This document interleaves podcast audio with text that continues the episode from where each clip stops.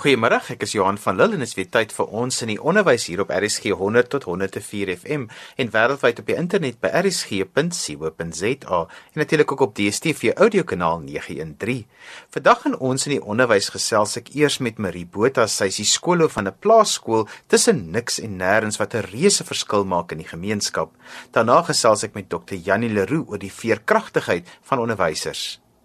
Marie Botha is die skoolhoof van 'n plaasskool wat deur drie plaasvrouens gestig is. Ek het 'n bietjie met haar gesels oor hierdie besondere skool. Ja jong, hierdie skool is geleë so amper 50 km buitekant Koelsberg op die Steynsburgpad. So dit is letterlik eintlik in die middel van nêrens en dis eintlik ook ons noem dit ons oase hier want dit is regtig vir ons 'n wonderlike plek. Ons is omtrent al 27 jaar aan die gang. Ons het in 1989 begin En dit het maar begin met drie boervrouens wat gesien het maar hier is 'n behoefte aan 'n kleuterskool vir die kindertjies op die plaas. En dit het toe nou klein begin en hulle het nooit kon droom dat dit so 'n groot projek sou word op die ou einde nie.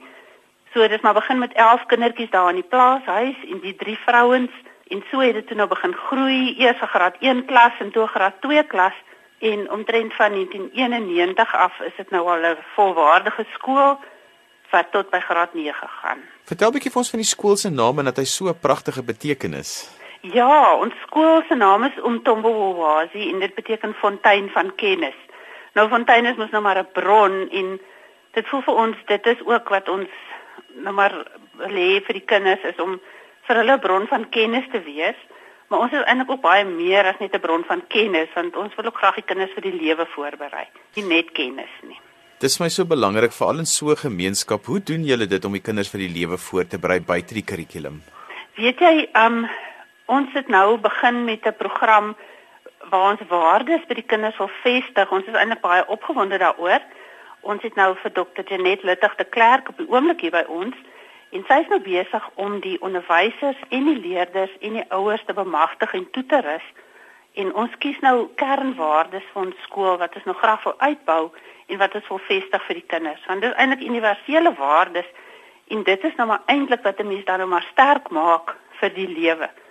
So eintlik ook wat ons doen, ons praat nou maar baie met die kinders, ons bou hierdie verhoudings met hulle en ons werk ook baie nou saam met die ouers sodat ons ook van die kinders hulle sterk karakters kan ontwikkel. Hoe kry julle die ouers betrokke want by so 'n klein gemeenskap is dit baie keer 'n groter uitdaging as wat 'n mens dink. Ja. Weet jy, Eintlik is ons ouers van die begin af baie betrokke want hierdie skool doen so baie in die gemeenskap. Ons is betrokke by uh programme om die ouers te help om hulle kinders te help. Ons is betrokke by vroeë kinderontwikkelingsprogramme. Ons het gemeenskapswerkers wat uitgaan na die plase toe en dan ook vir die mammas leer hoe moet hulle met hulle kindertjies maak om met hulle te gesels en te speel wanneer hulle nog klein is en ook dan om vir hulle te leer hoe om die kinders te help om hulle huiswerk te doen en al daardie dinge. So ons betrek die ouers baie in daai opsig sodat hulle ook deel is van ons hele opvoedingsprogram en die ouers is regtig wonderlik. Hulle ondersteun ons so en hulle woon ons vergaderings by en hulle kontak die skool as daar 'n probleem is. So ons het 'n wonderlike verhouding met die ouers. En ehm um, ons het ook nou begin terwyl ons nou besig is met hierdie waardesprogram, het ons ook 'n ouervergadering gehou hier op die plaas en ook 'n vergadering op die dorp vir die kinders wat van die dorp afkom. En dit was so goed bygewoon en die ouers was so positief dat dit regtig my hart baie warm laat klop. Dit is altyd so wonderlik om te hoor van plaaskole wat werk. Wat is julle suksesresep want julle skool verander 'n hele gemeenskap? Ja, en ek dink dis 'n groot ding. Dit is omdat dit die gemeenskap so positief beïnvloed en ek dink ook van die begin af is daar geluister na die gemeenskap se behoeftes. Dis nie iets wat van bo af op hulle afgedwing is nie. So ons het die gemeenskap van die begin af betrek en ek dink ons grootste bate is ons menslike hulpbronne, ons onderwysers, ons kinders wat ons het, ons ouers, is regtig almal mense wat 'n passie het vir wat ons doen. Dis nie maar net 'n werk nie. En ons is net vrouens omtrent ons het een man wat 'n onderwyser is op die personeel en dit is almal 'n klomp dinamiese vroue. So almal is proaktief en ons maak planne. En ek dink ook een van die suksesse is dat ons die planne maak As ons sien daar's 'n probleem of daar's iets wat moet aangespreek word, dan word daar 'n program uitgewerk en geïmplementeer en baie goed gemonitor om dan hierdie probleem aan te spreek. So ons is baie idealisties, maar ons is ook baie realisties, want ons werk ook nou maar met kinders wat miskien nie al die geleenthede het wat kinders in stede het nie en ook om vir hulle dan nou te help om te ontwikkel op hulle pad. Jy sê julle skool gaan tot graad 9. Wat wat gebeur met die kinders daarna? Jong, dit is baie keer moeilik. Ehm um, van die kinders gaan na die skool wat op die dorp is. Ehm um, die probleem is partykeer dat ons is 'n Engels medium skool en die skool op die dorp is Afrikaans medium, so dit is soms vir hulle moeilik. Party kinders gaan na familielede wat miskien iewers in die Oos-Kaap woon om dan nou daar verder skool te gaan. En dan nou party kinders gaan self Bloemfontein toe. Ons het al wonderlike suksesverhale gehad van kinders wat in na skole in Bloemfontein gegaan het. Dan is daar ook programme in plek vir die kinders wat regtig sukkel en wat nou miskien nie matriek kan maak nie. Ons het ook op die dorp 'n ontwikkelingsprogram vir jeug om hulle voor te berei om in die toerismebedryf te werk. So hulle kan opleiding kry om in 'n gastehuis of in 'n hotel te gaan werk om byvoorbeeld te kan skoonmaak en om ontbyte te kan voorberei, om die telefoon te kan beantwoord, om besprekings te hanteer. En dan word hulle ook daarna gemonitor vir 'n tydperk van 3 jaar sodat hulle werklik hulle plek in die arbeidswêreld ook kan volstaan. Nou dit is 'n groterige plaasskool. Wat is vir jou die uitdaging om die hoof te wees van so 'n skool? Weet jy, ek dink nogal die diversiteit is 'n uitdaging en dan ook die die plek waar ons is. Ons is ver van alles af en mense verstaan nie altyd as jy met buite mense praat dat ons nie altyd selfoon ontvangs het nie en ons het nie altyd ehm um, die internet is soms af en dan sukkel ons daarmee. So die vervoer is een van ons grootste uitdagings om almal by die skool te kry en almal weer by die huis te kry want dit is 'n radius van 50 km. En dan akademies sou ek sê die grootste uitdaging is die taal omdat ons is 'n Engels medium onderrig skool om nou maar almal te akkommodeer, maar dit is nie ons kinders se taal wat hulle by die huis praat nie. Ons doen dit ook van graad 1 af. Ons is 'n suiwer Engelse skool, so eintlik al van graad R af kry hulle onderrig in Engels om hulle dan nou voor te berei vir die res van hulle skoolloopbaan. Maar dit bly maar 'n probleem as 'n kind nie regtig in sy moedertaal kan skool gaan nie. Hoe skakel julle in by die formele strukture van skole in die omgewing? Weet jy, ons is 'n departementele skool. Die departement betaal net 5 van ons onderwysers. En omdat ons deel is van die Handam Trust, ehm um, betaal hulle die res van ons onderwysers. So ons het altesaam 14 onderwysers hier um, sodat ons nie gemengde klasse het nie.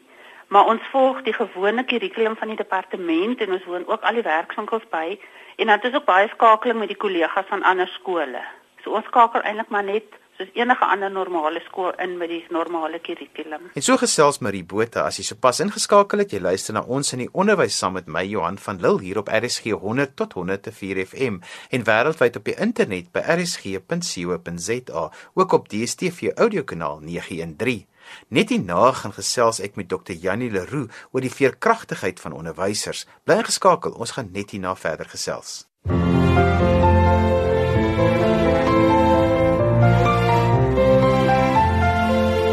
Welkom terug. Jy luister na ons in die onderwys saam met my Johan van Lille hier op RSG 100 tot 104 FM en wêreldwyd op die internet by rsg.co.za, ook op DStv audiokanaal 913. Dis amper vakansietyd en ek het met Dr. Janie Leroux gesels oor hoe jy die skoolvakansie kan gebruik om jou veerkragtigheid as 'n onderwyser terug te kry. Janie, ons gesels vandag oor veerkragtigheid. Nou in Engels beteken dit resilience. So wat beteken veerkragtigheid? Veerkragtigheid is eenvoudig om aan te pas in moeilike omstandighede. Nou dit kan 'n situasie wees wat net in 'n oomblik is, dit kan 'n situasie wees wat meer permanent is, maar dis hoe jy daai situasie verwerk en hanteer en ons wil graag die woord gebruik om dit oorwinnend te hanteer. Die Engelse mense praat daarvan dis eintlik om te cope, effektief te cope. Hoekom is dit belangrik vir onderwysers en ouers en kinders of eintlik enige een om te weet van veerkragtigheid? Weet jy slegte goed tref ook goeie mense en ek dink dis die skok wat mense het. Hulle dink outomaties dink ons ons gaan nie die slegte goed oor oorkom nie.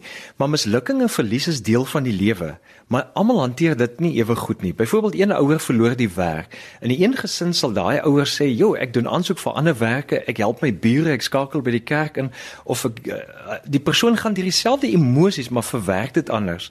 Terwyl in 'n ander gesin sal daardie ouer nader voor die televisie bly lê, al hoe meer pap voel, al hoe meer depressief voel en selfs al hoe meer begin drink en dink niks is meer die moeite werd nie.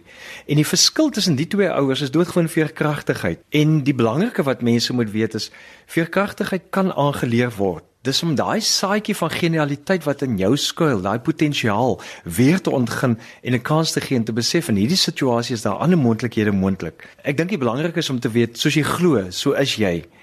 So as jy dink die situasie is te veel vir jou, dan gaan dit te veel vir jou raak. Maar as jy dink, okay, ergens gaan hier 'n geleentheid kom in die situasie, ergens gaan hier 'n liggie kom of iemand op my pad kom, dan begin jy hoop optel en dan verander die situasie ook vir jou. Is daar 'n verskil van die manier wat mense dink wat veerkragtig is en diegene wat hopeloos dink? Ek dink nogal so uh, professor Martin Seligman die sogenaamde vader van positiewe sielkunde het nogal opgemerk dat tussen al die mense en ook die diere wat hulle getoets het is daar soort van 'n derde wat nie hierdie aangeleerde hulpeloosheid het nie. En daardie derde mense of derde diere het hy begin besef maar dit gaan oor optimisme. En hy het die, die navorsing gedoen oor optimisme en pessimisme. Die geheim lê soort van in drie goeters se hantering daarvan.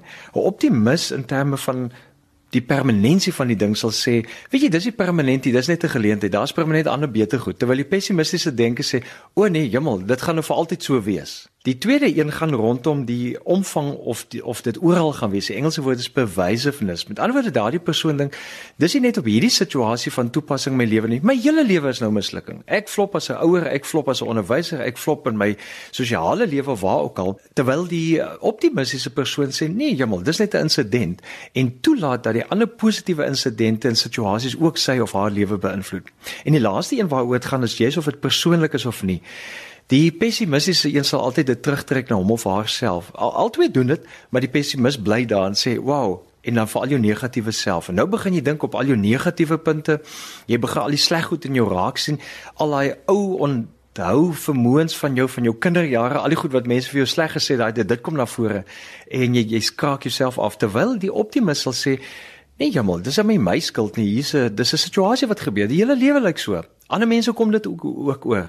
Hoe gaan ons hierdeur werk? So dit definitief met die manier van dink te maak. Ja nee, maar dis 'n moeilike ding want baie keer voel dit uh, vir mense as hulle in 'n moeilike situasie is en hulle met hulle veerkragtigheid behou. Dis amper soos die badwater wat uittap uit daai badprop as dit so 'n spiraal maak en dit gaan net al hoe vinniger en ja. vinniger. Ja. Hulle raak so vasgevang dat dit baie moeilik is om terug te val op om te dink. Ek dink die sleg is ons val soort van in daardie patrone vas en dan op die ou skep die patroon jou so jy begin dink aan 'n negatiewe patroon en op die einde word die stelsel jy en dit is net heeltemal anders. Daarom is dit vir my altyd belangrik vir mense te sê om 'n bietjie weg te gaan. Klink snaaks?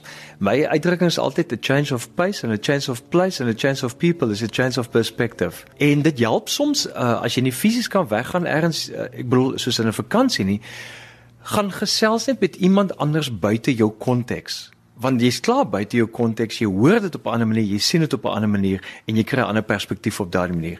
En uh soos jy hulle sê maar as 'n ou by psigiater gekom het en die sê toe vir hom maar maar jy's nie lekker nie. Toe sê my ek soek 'n tweede opinie. Toe sê ou van my jy's lelik ook. Maar maar ek dink die belangrike is is daardie persoon nie vir jou werk nie. Gaan soek iemand anders wat vir jou werk. Jy's nie verkleef net aan een mens in die situasie nie. Ja, dit is hoekom ek altyd sê dit is nou die laaste week van die kwartaal. Dit is binnekort vakansie. Dis hoekom dit daar is vir onderwysers. Gaan hou vakansie, maak planne want jy het dit nodig. Dit is vir 'n rede daaroor. Ek dink is baie belangrik en ek dink 'n mens moet gaan teruggaan en al die vakansies se vir jouself gaan vra watter van die vakansies het vir my die meeste energie teruggegee. En as dit nou vir jou koste moet meebring, dan doen jy dit. Ek sê altyd dis 'n belegging op my medies, maar eintlik is dit 'n belegging in jou toekoms. Maar gaan terug op daardie vakansies wat jou gevul het met energie sodat jy weer met positiewe moed terugkom. Anders dan doen jy dieselfde as die vorige vakansie, jy kom net so down terug. Jy sien die kans vir onderwys en die effek daarvan blyk baie duidelik nie net in jouself nie, maar ook in die omgewing en kinders van rondom jou. Janie, jy het vooraf vir my gesê dat daar so vyf dinge wat 'n mens in ag moet neem om hulle veerkragtigheid in hulle self asook hulle, hulle die kinders te verbeter. Ek het soort van as jy soort van 'n lyf skandering kan doen, ek het soort van gekoppel aan 5 B's. Dink nou gou aan jou kop en dan koppel jy dit aan die B wat betekenis is. Dink aan jou hart en dan dink jy aan begeerte. Dink aan jou hande wat jy uitsteek na iemand, dan gebruik jy woord betrokke daarvoor. Maak jou hand dan oop en dink aan bedank en dink dan verder af van jou voete en dis beweeg. Ek koppel dit aan daai 5 bewegings. Nou kom ons gesels gou oor betekenis. Jy moet die gevoel hê dat wat ook al hier gebeur vir jou sal help in die lewe. En dit snaaks die mense met wie ek gesels het wat ver gevorder het in lewe is almal ouens en dames wat sê op die ou en weet jy En toe het dit met my gebeur of ek was gelukkig dat dit met my gebeur het. Met ander woorde, hulle het 'n bepaalde betekenis daaraan gekoppel. En hoe jy dit doen is om dikwels dit in 'n ander raam te sit. Byvoorbeeld, ouers se egskeidings kan sleg wees. En wel, dit is maar altyd sleg. Maar as mense dit in die raam sit byvoorbeeld om vir die kind om te help verstaan, weet jy, die twee saam met mekaar werk nie so goed nie. Albei wil lief bly vir julle maar saam met mekaar werk dit nie uit nie. Onmiddellik het jy 'n ander betekenis of raam wat daaraan gee. Ek dink die punt is wat baie mense doen en ek dink dis belangrik is dat hulle dit koppel aan 'n groter doel of betekenis. Uh, baie mense koppel dit aan hulle skepingsdoel, aan hulle Skepper met ander woorde. En dan sê hulle maar weet jy, God moet dan ook hiermee 'n doel hê. En wanneer mense dit vir mekaar sê, dan help dit hulle om die ding totaal in 'n ander perspektief te sien. Want die doelmatigheid daarvan help jou om te leef met 'n roeping, om te sê wie ek moet ook dit deurgaan want dit help my vir iets later in die lewe of vir ander wat ek gaan help. So die punt is ek gee groter betekenis daaraan. Ja nee, maar daai betekenis kom nie altyd onmiddellik as jy in daai situasie is nie. Dit kom maar meestal wanneer ek daaroor begin praat en ek teenoor ander mense klankbord en dan begin ek besef maar dit is die betekenis van dinge om my. Ek ek stem heeltemal met jou saam. Ek dink dis jy's die dilemma. Mens kyk almekaar in jou eie spieël en jy sien jou eie gesig. Maar snaaks, jou spieël as jy 'n ander bril opsit dan lyk jy weer anders, 'n ander kleurbril of wat ook al. Ons het nou net mos gepraat van lense en al daai goede en dis die effek daarvan. So een van my ander bees wat ek gebruik as mens dan jou hand uitsteek na ander is om betrokke te wees. Dis ontsettend belangrik in die situasie om met iemand te gaan gesels. Is interessant, um, ek het al gevind dat as mense dan inskakel by 'n selgroep of by uh, een dame in ons gemeenskap het ingestap by 'n groep wat gebede vir ander mense doen, onmiddellik het jy nie net dit wat jy doen nie, so jy is betrokkeheid daarbey nie, jy het ook die gemeenskaplikheid van ander mense. En ek weet nie of jy dit ook al so beleef het nie. Die ander ou hoef jou nie uit te vra nie, maar as jy by daai persone stel julle mekaar se energie op. En ek gaan soek positiewe mense in sulke situasies. Ek gaan drink 'n cappuccino of 'n koffie by iemand en ek gaan daar weg en ek voel net eenvoudig 'n ander mens. So daar is tog iets in die betrokkenheid en deel wees met ander mense in die verhoudings, positiewe verhoudings wat jy het. 'n Belangrike ding is vir my sover moontlik toksiese mense in hierdie tyd want die sleg is jy's klaar af. Moenie nou nog ouens so wat jou verder af gaan maak nie. Dan is dit so goed soos jy drink striglin of wat daai goed is ook al is wat mense vergiftig. So moet asseblief in daai rigting gaan. Jy soek die proaktiewe positiewe mense op en jy tel hulle jy leen hulle energie by hulle en dit sal jou ook help. Kom ons praat oor begeerte die hart. Die punt is ehm um, wanneer mense soos die Engelse persone sê 'n deep desire het as jy 'n groot begeerte het vir iets dan vind jy ook die hoe Ek sê altyd as jy die wat weet dan kom die hoe ook. So daarom nog dieper as die wat is as jy die hoekom daarom weet. Ons nou nog gesels oor betekenis, so ek gaan nie verder daaroor gesels nie. Maar as jy begeerte het om te sê, weet jy, ek wil eers aan die ander kant hierdie ding uitkom, dan begin dit hoop skep. Dan begin jy vir jouself 'n droom visualiseer en neersit. En dit help om jou met jou sintuie fisies te dink aan waar is die nuwe moontlikheid daarvan. Nou, dis geweldig moeilik om te doen. Ek dink jy ons moet die goed net eenvoudig sê dit is so maklik nie, maar daar's 'n stuk dissipline in die goed. En as jy nou kyk na topgehalte atlete, toppresteerders oor enige gebied, al daai mense het basiese dissipline ingesit. So self in terme van jou begeertes, moet jy maar daardie ekstra doen om daai begeerte te visualiseer, te realiseer, te beweeg, 'n plan te maak. Een ou het vir my net eendag gesê, "Man, ons planne moet net nie opraak nie." En dis iets daarvan, want as jy dan teruggaan in daai vasgeloopte situasie, dan sien jy net die negatiewe uitkoms. Maar as jy tree terugkry en sê, "Weet jy, ek wou nog altyd oor see gegaan het." En jy het nou intussen jou werk verloor, dan dink jy miskien, Oké, okay, maar hoe kan ek oor see gaan en daar gaan werk? Skielik het dit 'n ander prentjie. So tap in by daai diepste diepste wit warm begeertes wat in jou hart leef en dit gaan vir jou motivering ook gee. Soms is dit woede wat dit doen, hoor. Partykeer is jy so kwaad dat jy uitkom, maar tap in by daai begeerte sodat jy by iets beters uitkom. Ja, maar dit is maar reg. 'n Mens kan maar kwaad word, 'n mens kan maar woede hê. Dis mos maar wat 'n mens daarmee doen en baie keer is dit dan die ding wat maak dat jy of betekenis gee of dat die begeerte daar net of die betrokkenheid ontwikkel. Baie baie beslis. Ek onthou iemand het uh, in my lewe al 'n ding vir my gesê en dan ek was so kwaad geweest dat ek die teendeel bewys het. So eintlik het daai persoon my 'n geweldige guns bewys al het ek op daai oomblikie so gevoel nie. En ek dink is dieselfde nou in die onderwysstelsel of waar ook al waar mense vasgedruk voel. Die punt van die saak is jy het nog altyd 'n keuse. En as daardie dieper begeerte daar uitkom, dan maak jy die keuse werk met die hulp van jou Skepper, met die hulp van mense rondom jou. En weer eens, as jy weet waarom en jy weet wat, dan kom die hoe ook, sodat 'n mens in daai proses groei. Nou, daar's nog 'n B wat jy wil by uitkom en sy naam is bedank. Ek dink is geweldig belangrik om dankie te sê. Ek het ehm um, ek het vir 'n dame wat verkrag is as kind, het ek eendag het, het ek my oë oop gegaan om te besef die krag van bedank. Ek bedoel nie daarmee jy moet dankbaar wees vir jou verkrachting nie. Dis glad nie die prentjie nie. Maar ek het vir haar gevra, "Watter dankie kan jy sê omdat dit met jou gebeur het?" En onmiddellik skuif daardie persoon se hele lewenshouding want daardie persoon het dit positief omgedui en iets anders daarmee gemaak en vir ander mense help. So met ander woorde as jy op 'n manier kan kry wat jy kan dankie sê dat dit wel gebeur het, nie dat dit lekker is of enigiets nie, dan skuif jou hele intensie.